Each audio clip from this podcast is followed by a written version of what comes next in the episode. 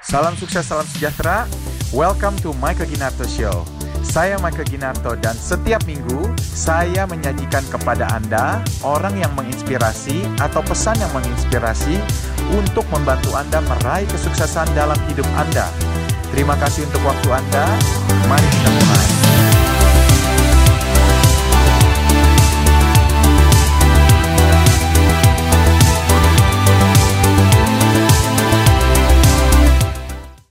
Kalau gaji 5 juta emang bisa punya rumah, Pak? Gaji 5 juta, yes, bisa punya Caranya rumah. gimana? Punya Yes, rumah ini dia.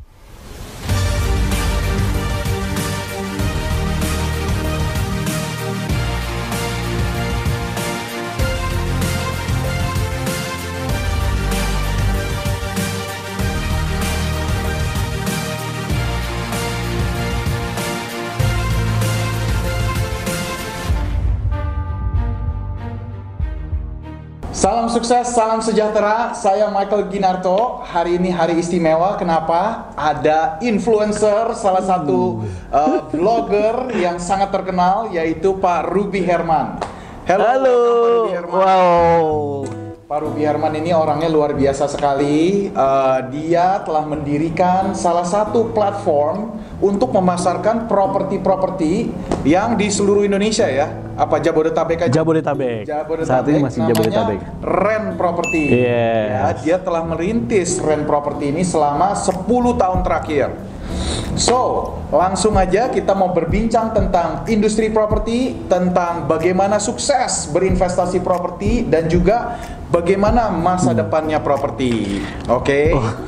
Oke. Halo. Yes. Dia punya tagline apa? Punya Muda keren punya properti. Dia. Muda keren punya properti. Kayak Pak Michael inilah. Wih, Yes. Kalau saya bukan cuma punya satu. Banyak. Banyak banget gitu. ya. Anaknya aja tiga. Iya, tiga itu kali 10 itu. Properti kali 10. ya, sebelumnya thank you so much Pak Michael Ginarto, thank you so much sudah mengundang ini. Yes. Thank you so much, really appreciate padahal ini uh, masternya ini ya. It's an honor. Iya, saya banyak belajar dari Pak Michael Ginarto. Yes, Eh, thank you really. Eh, Tentang properti sebenarnya ya saya juga banyak belajar kan sama Yes. Mr. Michael. Yes. Nah tentang muda keren punya properti ini ya saya lihat gini Pak Michael. Ini realita yang ada baru bulan Juni di detik.com bahwa ada 81 juta milenial nggak punya properti atau nggak punya rumah nggak punya apa 81 juta bayangin banget milenial kan yang ya akan jadi pemimpin-pemimpin dan lain-lain Masa ya. depannya di millennials. Yes, masa Exactly. depan di milenial. Tapi ya realita yang ada bahwa ya milenials ini lebih banyak kan sukanya lebih ke lifestyle. Exactly. Ya kan jalan-jalan, traveling ya kan. Terus ya biasa suka update Instagram kan tentang wah tempat-tempat bagus, makanan-makanan enak ya. Jadi nah ini ini realita yang terjadi ya kan. Ya akhirnya ya mereka menunda untuk beli properti atau bahkan nggak beli properti. Nah, sedangkan ya kalau dilihat dari eh, umur ya, dari umur kan makin makin hari makin bertambah kan. Betul. Nah, realitanya juga orang-orang yang istilah kata senior atau yang udah pensiun deh, umur 55 sampai mungkin ya 65 gitu ya. Nah, banyak banget yang saya jumpai nggak punya properti. Umur 65 masih belum punya properti. Nggak punya properti. Maksudnya prinsipal Nggak punya- residence apa nggak punya property investment atau sama sekali? sama sekali nggak punya nggak punya properti. Banyak sekali banyak sekali pak Michael. Banyak sekali. Akhirnya apa? Ngontrak kan? Yes. atau mungkin tinggal sama mantu atau ngikut sama anak misalnya Oke. itu kalau anaknya cukup gitu kecukupan. Kalau rumahnya ada. Kalau enggak ya udah. Ya misalnya ngekos atau apa aturan yang umur 55 sampai 65 itu biasanya ya happy happy nimang-nimang cucu ajak cucu jalan-jalan ya kan? Tapi yang what happen ya akhirnya pusing stres mikirin apa biaya untuk gimana nih? Ngontrakan bayar duit kontrakan atau cari uang buat ngontrak atau cari uang buat living lah hidup.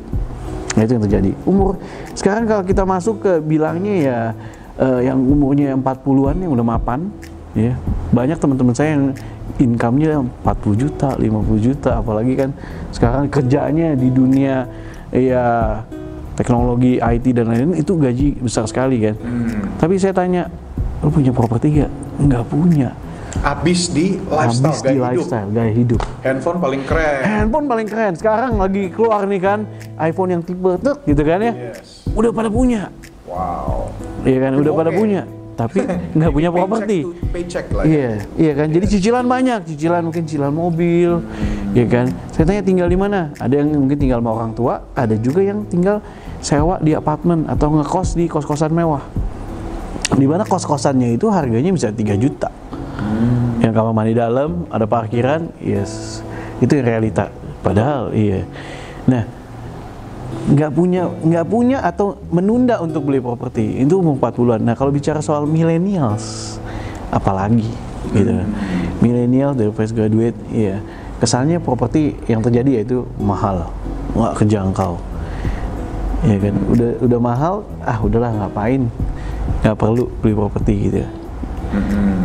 Akhirnya menyewa aja kan, sewa atau ngekos Betul. Iya kan.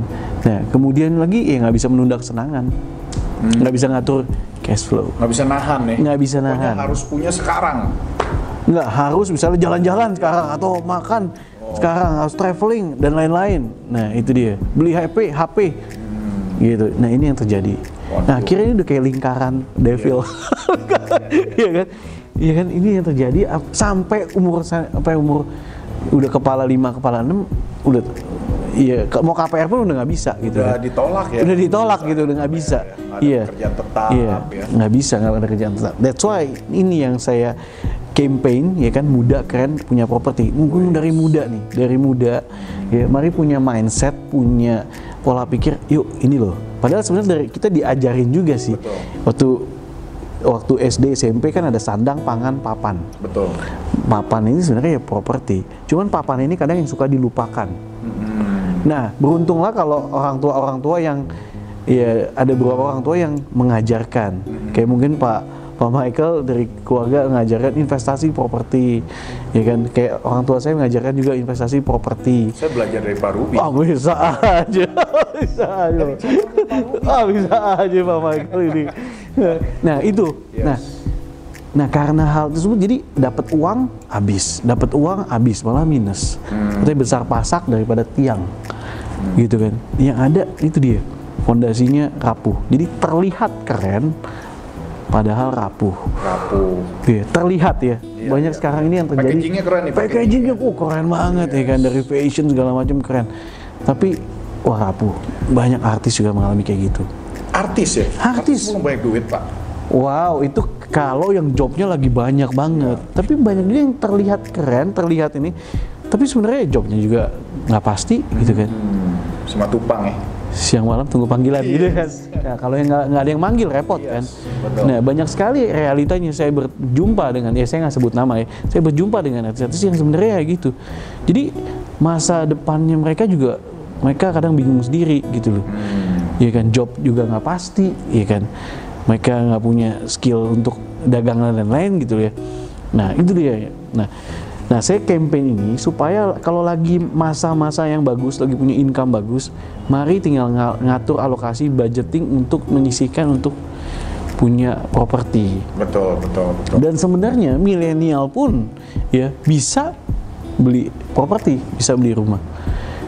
Ya, karena pemerintah kita juga mendukung ada yang namanya rumah subsidi. Mereka takut sih, terus terang aja ya. Hmm, apa ya? Coba. Jadi pertama mereka financing takut nggak pede. Nggak pede, yes. Dong. This is what happened, ya. Nomor dua, DP-nya nggak cukup.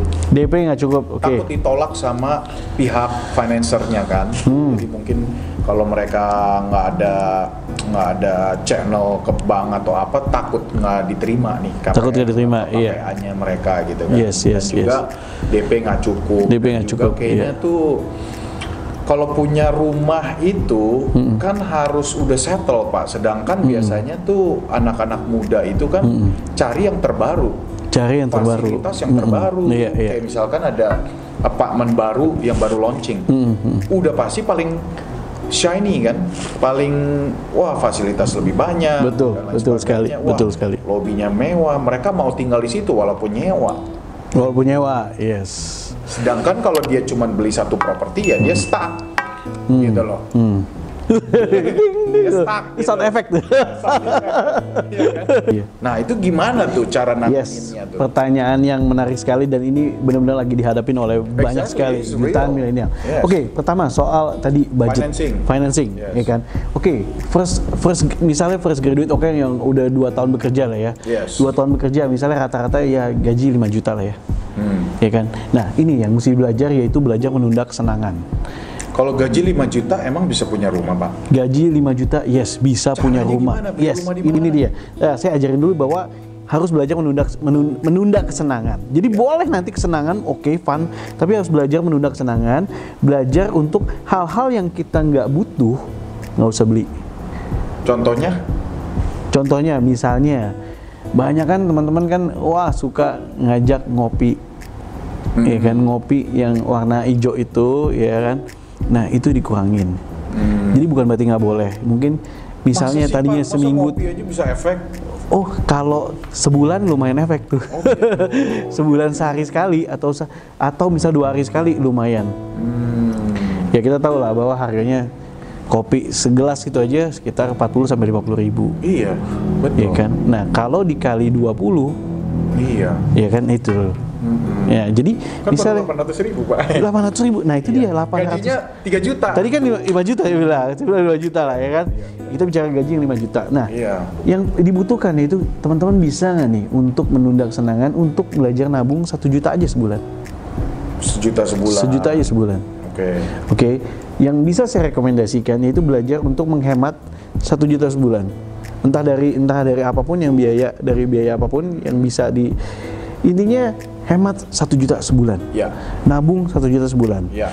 Oke, caranya gimana? Oke, untuk teman-teman yang punya income segitu, saya menyarankan investasinya atau beli rumah pertamanya yaitu rumah subsidi, Pak. Oh, rumah subsidi. Rumah ya. subsidi. Berapaan sih rumah subsidi? Harga rumah subsidi per tahun 2019 ini 158 juta. Bisa dapat satu rumah tuh ya? Bisa dapat satu Luas rumah, berapa, Pak? luasnya ada yang tipe luas tanah 60, bangunannya ada yang luas 21 sampai luasnya 36. Tergantung developernya. Itu berapa bedroom? Dua bedroom, Pak. Kalau yang 158 juta itu berapa? Dua bedroom, dua bedroom. Satu bathroom. Satu bathroom, yes. Luas? Luasnya yaitu tanahnya 60, ada yang 60 Pak, 6 kali 10. Oke. Atau ada juga yang 72, 6 kali 12, tergantung Oh, developer. tergantung Itu juga tergantung daerah. Tapi kita mulai dari sebenarnya ada juga yang di luar dari Jawa, di luar dari Jawa itu bi- masih bisa dapat yang harga 140-an. Wow. Gitu loh, Pak. 140 juta. dapat 140 satu juta ya? dapat satu rumah pak itu kan yang mungkin eh, masyarakat atau milenial ya kurang tahu atau kurang paham ya kan ada makanya tak kenal maka tak sayang kan atau nggak tahu lah seenggaknya nah padahal ini program rumah ini ada pak Hmm. Program rumah ini ada. Dan sekarang dengan adanya infrastruktur pembangunan infrastruktur ada LRT MRT ya kereta juga terus jalan tol dan lain-lain itu mendekatkan atau membuat lebih baik. Ya kan? Itu ya kan? Nah tadi yang tadi milenial yang gajinya 4 juta atau 5 juta pun 4 juta pun nggak bisa gitu. Bagaimana untuk nabung aja nah kalau Minimum bicara sejuta sebulan. sejuta sebulan bisa punya rumah yang disubsidi pemerintah 158 juta udah Yes. pasti di approve. Gaji 5 juta. gaji 5 juta. Nah, nah soal di approve-nya, kita juga mesti cek juga track record-nya. Nanti kita masuk ke tahap berikutnya, Pak ya. Financing, ya. Financing-nya, oke. Nah, tadi kita nabung 1 juta. Tujuannya untuk apa? Untuk kumpulin dulu DP. Hmm. Dan DP karena rumah subsidi, DP-nya hanya 5%, Pak. Dari 158. Dari 158. Iya, 5%. DP-nya 5%. Oke.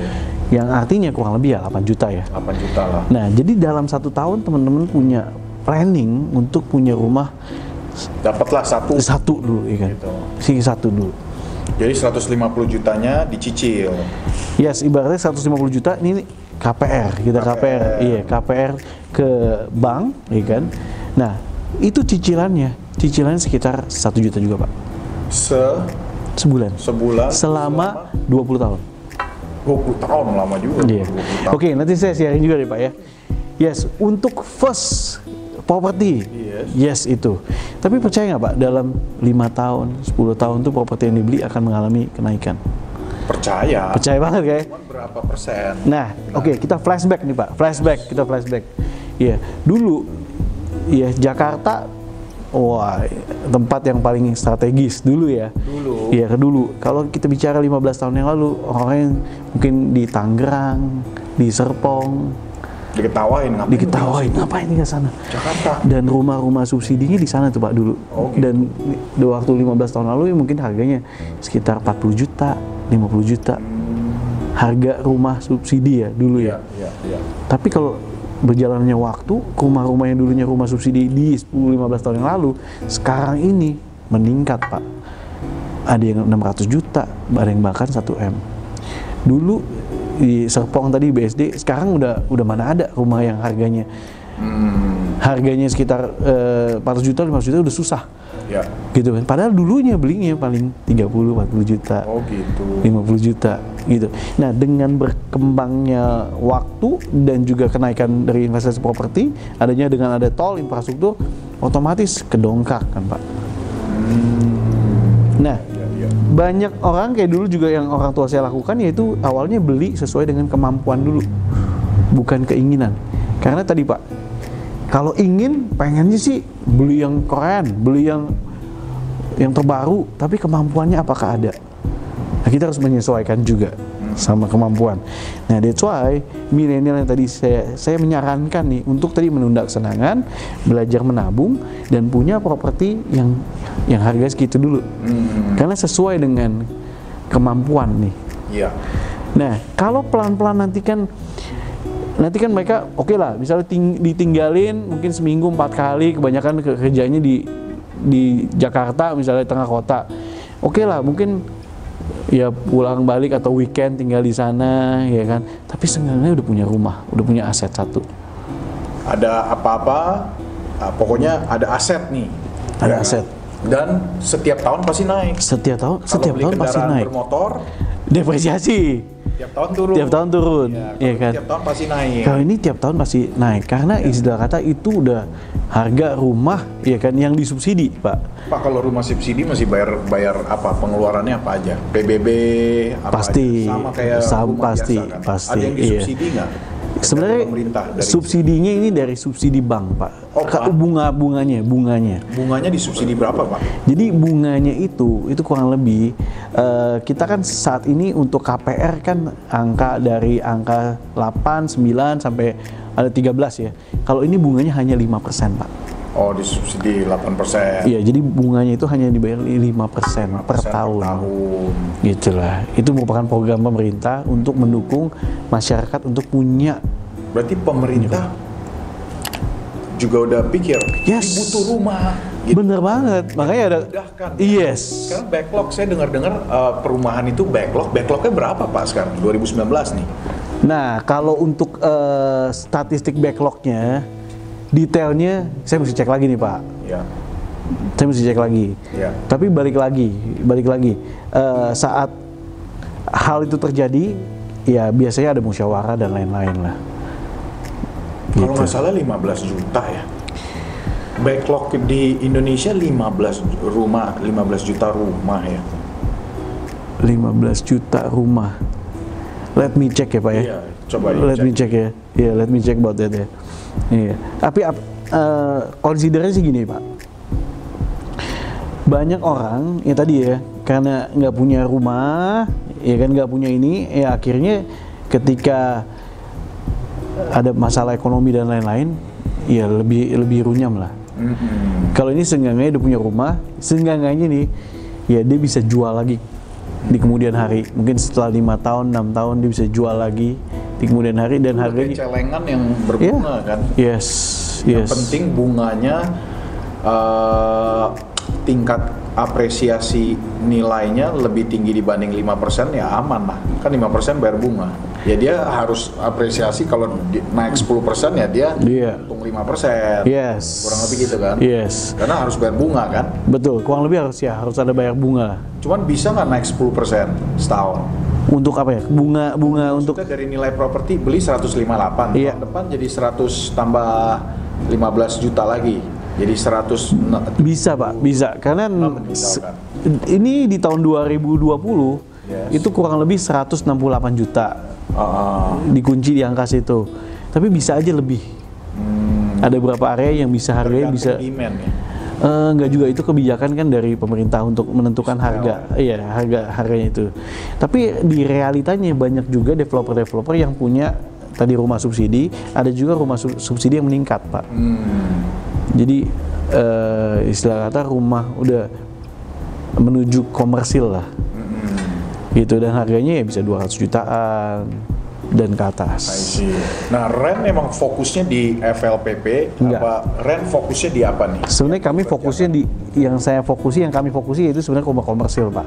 Tapi apa tuh? Ruko, rumah komersil itu rumah-rumah yang ya, non subsidi tadi, non subsidi. non subsidi yang Seperti apa kayak eh, rumah-rumah yang klaster. dalam klaster Yes, rumah-rumah yang harganya ya berkisar di angka 400 juta ke atas. 400 juta. Yes, ini memang di luar eh, ini jadi campaign ini ya bagaimana saya mengedukasi saya personal mengedukasi masyarakat milenial. Nah, kalau kami kalau Ren sendiri jualan produknya yang harganya di angka 400 juta ke atas. Oke. Dan juga ada juga Maksimumnya berapa? 400 juta maksimum berapa? maksimum sampai dengan ya 78 M lah ya. 78 M. Yes. Rata-rata listingnya Ren Property. Iya. 400 Tapi kebanyak sampai iya, 78. kebanyakan sih kebanyakan di bawah 1 M. Oh, kebanyakan di bawah 1 M. Hmm, kebanyakan iya. Dan Berarti apartemen dong ya Pak ya kebanyakan. Nah, saat ini kebanyakan yang kami pegang non apartemen yaitu rumah, rumah, ruko sama kafling komersil Apa ada area. Pak Jabodetabek 400 jutaan di bawah 1 M mah. Di bawah 1 M memang di luar. Sebenarnya di Jakarta pun ada, Pak. Ah, Ada. Tangerang lah banyak. Tangerang ada, terus eh, Bekasi, kebanyakan mayoritas di Bekasi sih. Bekasi, Yes, Bekasi. Depok gitu ya. Depok juga ada. Bagus tuh pertumbuhannya situ ya. Nah, so far pertumbuhan pertumbuhannya lumayan peminatnya kebanyakan end user sih, Pak. End user. Iya, dan banyak sekali kan kemudahan-kemudahan eh, dari perbankan ya dari DP, DP 10%. DP 10% kebanyakan program dari developer yang bisa dibagi misalnya 12 kali atau enam kali. Setelah itu baru akad kredit Nah, gitu. Pak Ruby kan practitioner nih. Yes. Selama 10 tahun sudah memasarkan berbagai macam dan berbagai rupa properti dari varian harganya kan antara tadi ya 400 juta sampai uh, 78 M. Iya. Trennya ke mana Pak? Oke. Sekarang lagi slow down Yes. apa apa nih? What is Nah, kalau dilihat saat ini kan sudah eh, pemilihan presiden udah beres. betul. Kabinet menteri-menteri udah oke. Nah dilantik. udah dilantik. Nah kalau menurut saya ini pertumbuhan properti akan mulai menaik nih pak. Karena dilihat dilihat udah settle semuanya udah settle ya. Nah kalau saya lihat eh, tadi dari 81 juta milenial itu merupakan pangsa pasar kalau menurut saya. Pangsa pasar yang pasti ya kan?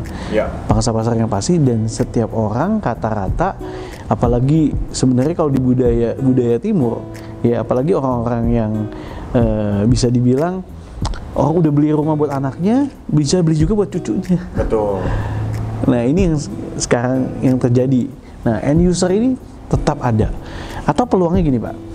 Kalau yang sudah pensiun yang sudah yang ada udah mapan pensiun biasanya rumahnya kegedean dia pindah ke rumah yang kecilan supaya gampang diberesinnya terus mudah gitu Anak udah pada gede. Anak udah pada- kita rumah Iya. ya. Asal ya atau rumah yang lebih kecil gitu kan itu itu itu yang terjadi jadi pangsa end user ini ada ada ya. Nah, ada lagi misalnya eh, baru menikah terus punya anak tadinya kecilan rumahnya kecilan ada 4 L kan lu lagi lu lagi gitu kan dan mulai ingin peningkatan nah makanya belilah ke yang lebih besaran dikit nah jadi kalau menurut saya end user ini ada selalu ada selalu ada. Nah tapi banyak juga developer-developer yang menawarkan eh, program-program khususnya buat investor. Yang pasti harganya yang di bawah market. Ketika diluncurkan investor bangkit lagi gitu pak Oke. Gitu. Ya jadi contoh ada beberapa eh, developer yang ya belum lama ini saja di daerah yang cukup bagus di Jakarta Barat ya dengan harga di bawah 1 m boom langsung investor melek lagi. Dan terjadi banyak penjualan. Jadi saya rasa properti ini peluangnya ke depannya dengan kondisi saat ini maka makin lebih baik, Pak. Jadi sebenarnya investasi di properti itu adalah suatu investasi yang aman karena dari segi kebutuhannya sandang pangan papan tadi. Iya, iya, Jadi iya. ini sebenarnya kebutuhan yang akan sepanjang masa Iya, akan ada sepanjang- terus. Yes. Itu pertama. Yang kedua uh, dengan bertumbuhnya ekonomi, Iya. ya kan, kepastian hukum, iklim politik dan lain sebagainya, Iya. otomatis kebijakan memiliki properti pun akan meningkat. Hmm. Akan meningkat, that's Akan right. meningkat nih, Iya, iya. according to you nih. According to Iya me, kan? yes. dan juga dari segi orang kebutuhannya berubah. Iya. Tadinya anak anaknya satu, sekarang anaknya tiga, cari rumah lebih gede. ya, Tadinya anaknya iya. tiga udah gede semua, cari yang lebih kecil. Lebih kecil, Pada betul gede sekali. Rumah semua. Iya. Change of use. Iya. Ini bisa aja jadi calon pembeli properti kan? Yes, Intinya kan? bisa aja. Nah, ta- tapi saya ada pertanyaan nih Pak. Oke. Kalau dari segi lokasi, gimana sih menentukan lokasi ini bagus? Oke Mm. Pak, saya kalau beli properti kan rumusnya cuma ada tiga kan? Lokasi, lokasi, lokasi. Iya, gitu, iya, Pak. iya. Iya dong. Iya. Nah jadi menurut you, saya budget terbatas, ya nggak? Ya udah deh, saya nggak usah ngopi di luar. Hmm, Iya, saya iya. beli kopi celup. Kopi celup ya. Hemat, hemat. mau ala Pak Rubin kita di rumah makan Iya, di rumah iya. semua di rumah gitu kan Iya, iya, iya. minimalis gitu Iya, iya. nah mau cari lokasi yang bagus. Gimana Pak? Oke. Hmm. gitu loh. Jadi rumusnya apa? Saya mau beli apa? Ya udah pilih yang paling murah sesuai budget atau kita mesti pakai topi investor oke Iya, kalau iya. saya investor saya nggak bisa sembarangan beli Yes. Kenapa? karena properti kan illiquid Yes, betul sekali, betul you beli sekali. jual Iya. beli sih gampang Iya. jualnya gimana Iya. Nah, Betul. rumusnya bagaimana sebenarnya? Oke. Ini kan harus balance nih. Yes, kalau menurut saya ini yang udah dari beberapa puluh tahun ke belakang, ya ilmu pastinya carilah properti yang berada dekat dengan tol, jalan tol akan dibuka jalan tol. Masa sih? Masa cuma gara-gara Salah satu itu salah satunya, ya kita lihat alam sutra. sama debuan Pak, ya kan? Alam sutra, alam, alam sutra pak, ketika Ada exit tolnya- tol lah. Yes, exit Yes, tol, yes. Yes, ketika ada exit tol atau arah masuk tol, ya atau in, in or exit, Kalau di pinggir tol, di pinggir tol. ya. Kalau bisa sih jangan di pinggir tol. Iya, jangan di pinggir tol ya. Ya, karena betul tol masukkan ya. Iya. Iya. Iya kan? Iya, exit tol atau in tol. Iya. Tol. Hah? Iya, bikin rumah di tol. Gak boleh, Pak. Aduh. Iya, ya masih itu, Pak. Yang masih itu. Otomatis ya banyak lalu lalang, orang lalu lalang ke situ kan. orang lalu orang banyakin ini saya baru, dengar ini iya, bahasa saya dosa banget. Artinya banyak sekali traffic lah ya, traffic orang eh, di ke sana lewat sana gitu kan sehingga eh, dengar ini ilmu baru dengar ini yang ya kan? oke oke lah Iya, iya. Dari hal-hal tersebut apa ya? Nah, kayak contoh Pak, eh, tadi selain jalan tol, ya MRT juga. Setuju nggak Pak? Setuju. Ada, ada station MRT. Orang lalu-lalu lagi. Orang tinggal mati jangan diusir Jangan gitu. Iya, artinya eh, lokasi ya atau pemilik-pemilik rumah atau pemilik ya gedung atau apa pun mungkin maksudnya Pak Ruby ini TOD lah TOD, that's why. Transit Makanya saya Oriented belajar. Iya, iya. Makanya saya belajar sama Pak Michael. Ilmu saya masih di sini.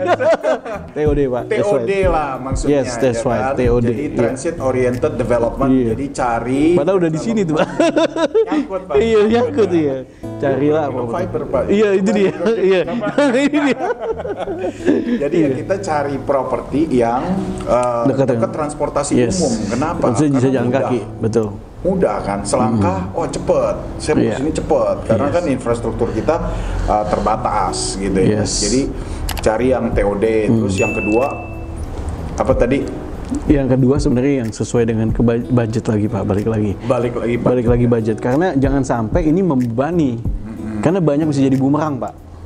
Iya, karena komitmennya long term ini. Long term, yes. Exactly. Jadi makanya eh, saran saya sebenarnya sebenarnya kan kalau untuk syaratnya yaitu cicilannya 30% dari income Syarat apa nih Pak? untuk KPR.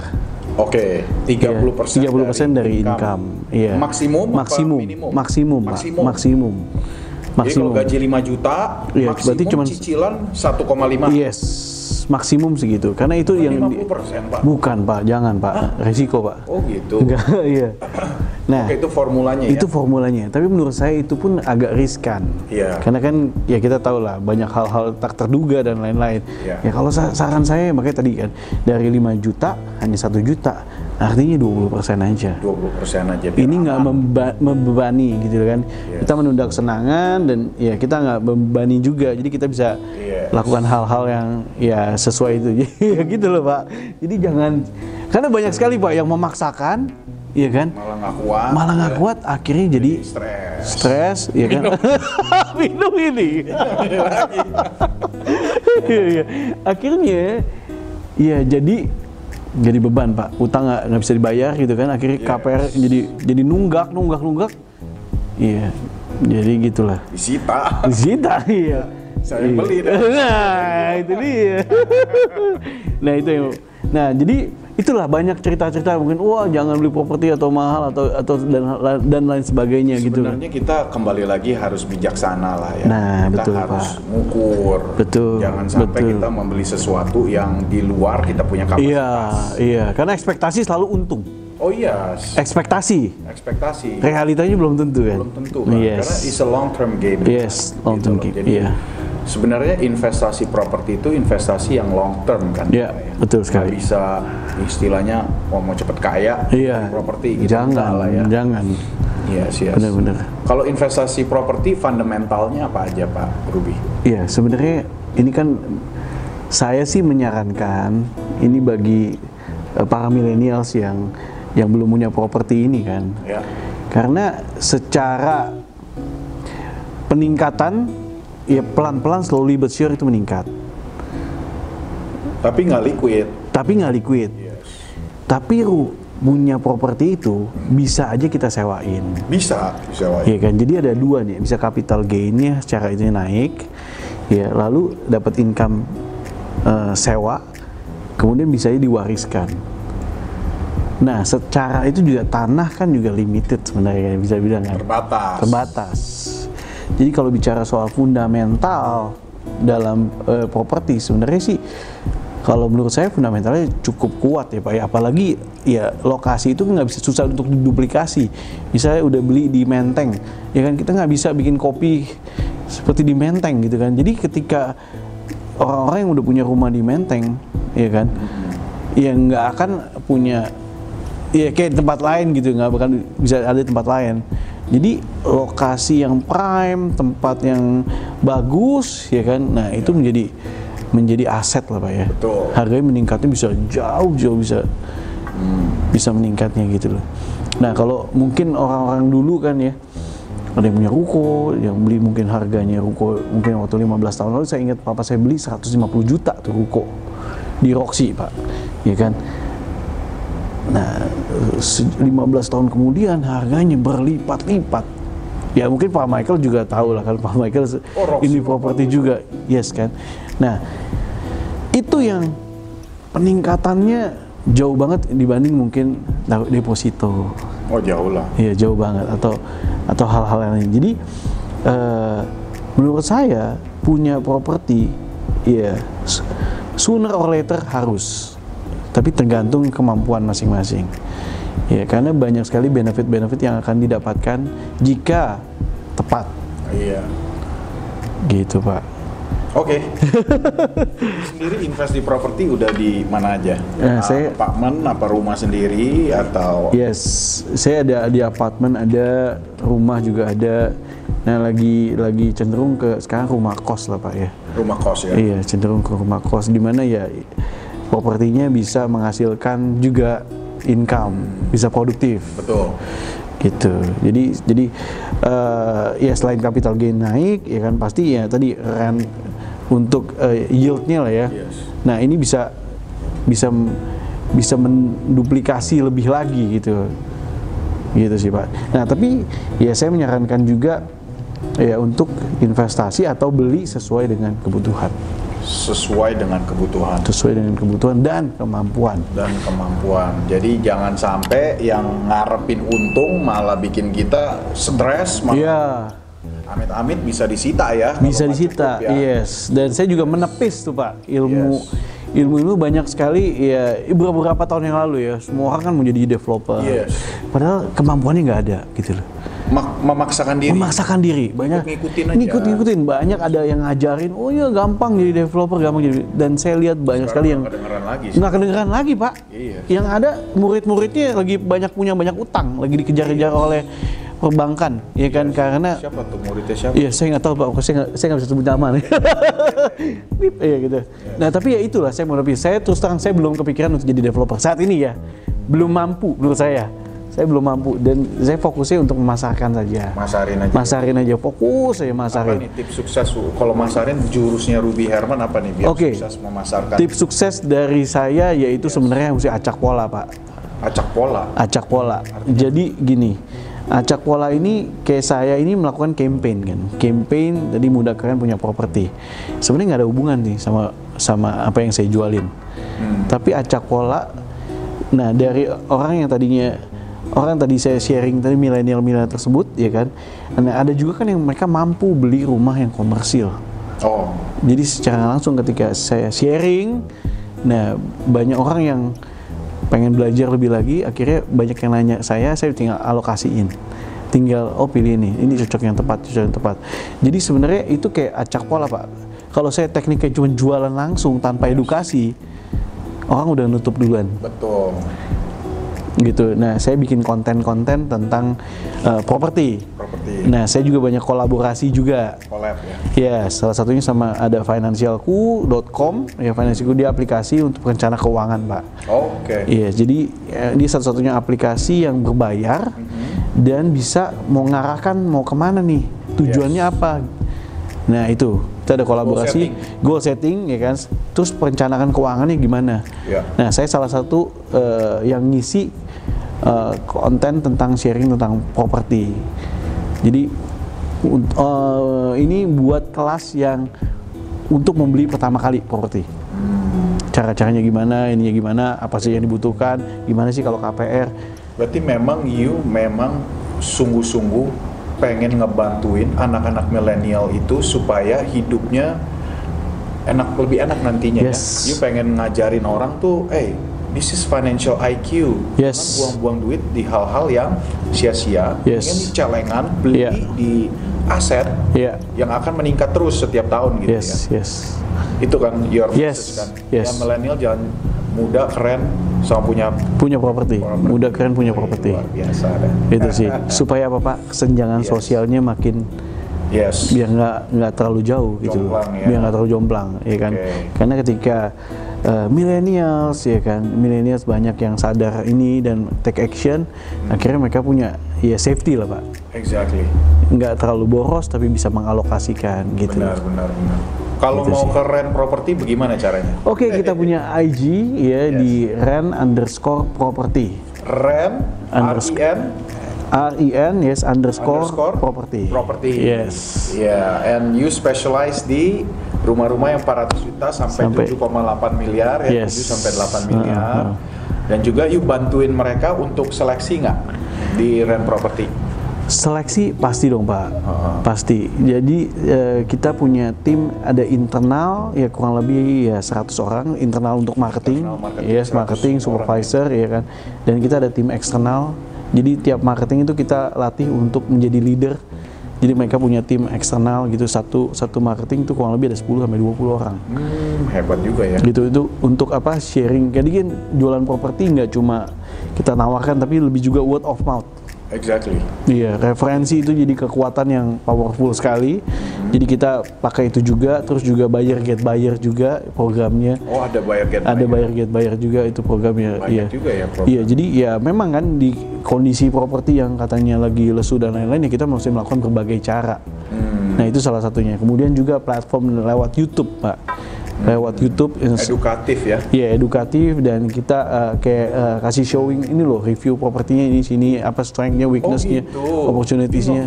Yes, saya nge-vlog, yes. kunjungin properti yang Yes. lagi pasarkan. Yes, that's right. Untuk supaya Yeah. hemat waktu juga ya mereka ya. Yes, hemat waktu juga. Suka, Iya, udah deh, tinggal langsung fisik ke sana. Yes, benar sekali. Kasih sneak preview nih. Sneak preview, that's right. Ini bosnya turun ke lapangan langsung panas-panas yang ngevlogin Iya. semua untuk nasabah, calon nasabah. Yes, tersortir lah pak, tersortir, Tersortir, yes. tersortir.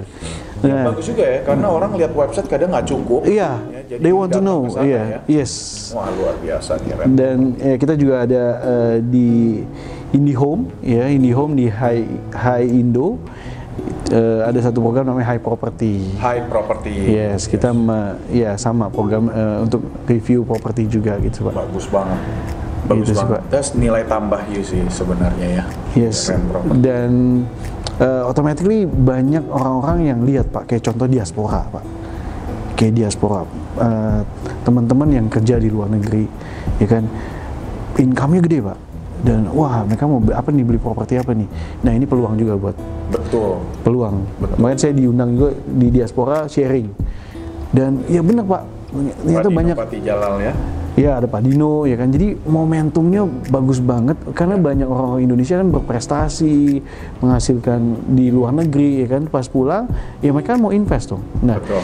nah saya bikin lewat YouTube, mereka bisa bisa bisa nonton Benar dulu juga. di sana. YouTube-nya apa? Biar Saya Ruby Herman, Ruby Herman. RUBI apa R? BY, R U B Y, Ruby Ruby Herman. Herman. Yes. Ruby kayak batu ruby ya. Batu Ruby, iya. Mungkin kalau secara view, saya kan bukan view-nya ngeprank, Pak. kalau prank banyak yang view. Atau serem-sereman. Banyak. Dikagetin ya bu. Atau makan sambal makan sambal seribu gitu kan yang ada sakit perut gue saya bukan tipe kayak gitu tapi lebih edukatif mungkin ya yang nonton sih mungkin ya mungkin dikit tapi saya mau yang nonton itu tapi kena gitu pak Memang orang yang lagi cari tempat tinggal Yes, atau betul sekali. cari tempat Yes. buat investasi. Yes, that's Jadi right. you memberikan nilai tambah dalam arti you secara fisik datang ke situ Yes. and you vlog. Yes, Jadi eh, vlog it, bisa yes. ngerasain yes seolah-olah mereka juga mereka lagi iya mereka lagi datang situ gitu that's right Yes, good job. Yes, thank well you, done. thank you, You're thank you, Pak Mar. ranking in my opinion. apa-apa. Iya, itu menghibur, Pak. Menghibur. aja. Itu menghibur, iya. Tapi nanti kapan-kapan boleh juga ya. Boleh juga kita prank. Iya, iya. Oke. Ada tips untuk sukses bagi tips sukses untuk berinvestasi properti terutama. Oke, tips Yes. sukses untuk investasi properti, yes, balik lagi. eh, saran saya untuk investasi properti yaitu lihat kebutuhan. Kalau memang kebutuhannya memang mau buka makanan atau apa, pilihlah lokasi yang udah pasti. Menurut saya ya, udah pasti. Yang Ya. ramai. yang ramai, yang udah pasti supaya ya ya supaya kita nggak gambling kan pak, iya kan. Nah itu udah pasti dan juga sesuai dengan kemampuan. Kalau nggak sesuai sama kemampuan lebih baik ya udahlah nunda dulu, nunda dulu, nunda dulu untuk persiapan ya ke minimal dulu gitu sih pak. Jangan eh, jangan terlalu ekspektasi tinggi untuk misalnya kalau mau punya bisnis bisnisnya langsung booming atau rame gitu loh. That's right. Iya, jadi eh, harus punya eh, ekspektasi, tapi harus juga eh, lihat realitanya atau the worstnya gimana nih. Nah, harus dirata-ratain gitu loh. Nah, mesti punya ba- banyak planning. Nah, kalau menurut saya hmm, lebih baik ya pelan tapi pasti. Pelan tapi pasti. Iya, pelan tapi pasti. Penuh dengan analisa tapi pasti. Pilihlah tadi lokasi-lokasi yang te- tadi dengan dekat TOD pastinya, ya kan? Dan pilihlah properti-properti yang produktif. Kalau bisa yang return on investment-nya atau yield-nya di atas 12%. Kalau bisa. Ya. Iya, kalau nggak bisa ya mendingan tahan aja atau deposito aja. Hmm, yang aman-aman. Nah, ya kan Pak masuk akal ya. Nah, saran saya sih itu. Nah, kalau buat eh, para pemirsa, teman-teman yang sudah punya properti, udah punya satu, ya kan kalau belum untuk keduanya ya kalau misalnya belum belum ada kebutuhan atau gimana ya hold dulu aja lah. Gitu. Oke. Thank you so much, Pak Michael. Oke, so teman-teman sekalian, Anda baru belajar dari pendiri Rent Property yang telah merintis uh, pemasaran properti ini selama 10 tahun terakhir. Pesannya sangat amat sederhana. Kalau berinvestasi itu kita harus punya integritas. Artinya apa? Nomor satu, cek kapasitas kita sendiri. Iya. Kita harus bersih-bersih pembukuan kita, Iya. berapa, pengeluaran Iya. berapa, dan kita alokasikan kalau bisa maksimum 20% dari total Yes. pendapatan bulanan teman-teman sekalian. Iya. Yang kedua, kita juga harus cek lokasinya yang bagus dalam arti kalau bisa dekat sama transportasi umum, transit oriented development dan juga rame. Jangan beli lokasi yang sepi, orang nggak mau ke sana gitu ya. Dan yang ketiga, jangan buang-buang duit deh gitu Iya. ya. Lebih eh, kita fokuskan ya millennials jangan ke gaya hidup, melainkan kita eh, fokuskan membangun long term wealth. Iya. Dan salah satu kendaraan yang yang paling sudah dipercaya Yes. dari ratusan generasi sebelum kita semua adalah Yes. properti. Kenapa? Adalah properti. Mereka nggak bakal bikin tanah lagi. Iya, ada iya, iya. reklamasi Iya, iya, iya. terbatas, tapi demand will also uh, akan terus menanjak, tapi supply-nya terbatas. Nah, ini Iya. yang menciptakan harga properti bisa naik berkali-kali lipat. Iya. Oke, so begi- sekian wawancara saya bersama pendiri Rent Property, Mr. Ruby Herman. Thank you so Yes, much for the so much. information. Thank you Dan so much. saya yakin sangat bermanfaat. Jangan lupa klik subscribe at Michael Ginarto and klik loncengnya. Kenapa? You will win uh, in every sense of the word. Oke, Anda mendapatkan informasi yang terbaik. Saya akan mewawancara orang-orang yang sukses dalam bidangnya dan juga yang paling penting uh, kita bisa bermanfaat untuk sesama kita semua. Oke, sekian. Salam sukses, salam sejahtera. Saya Michael Ginarto.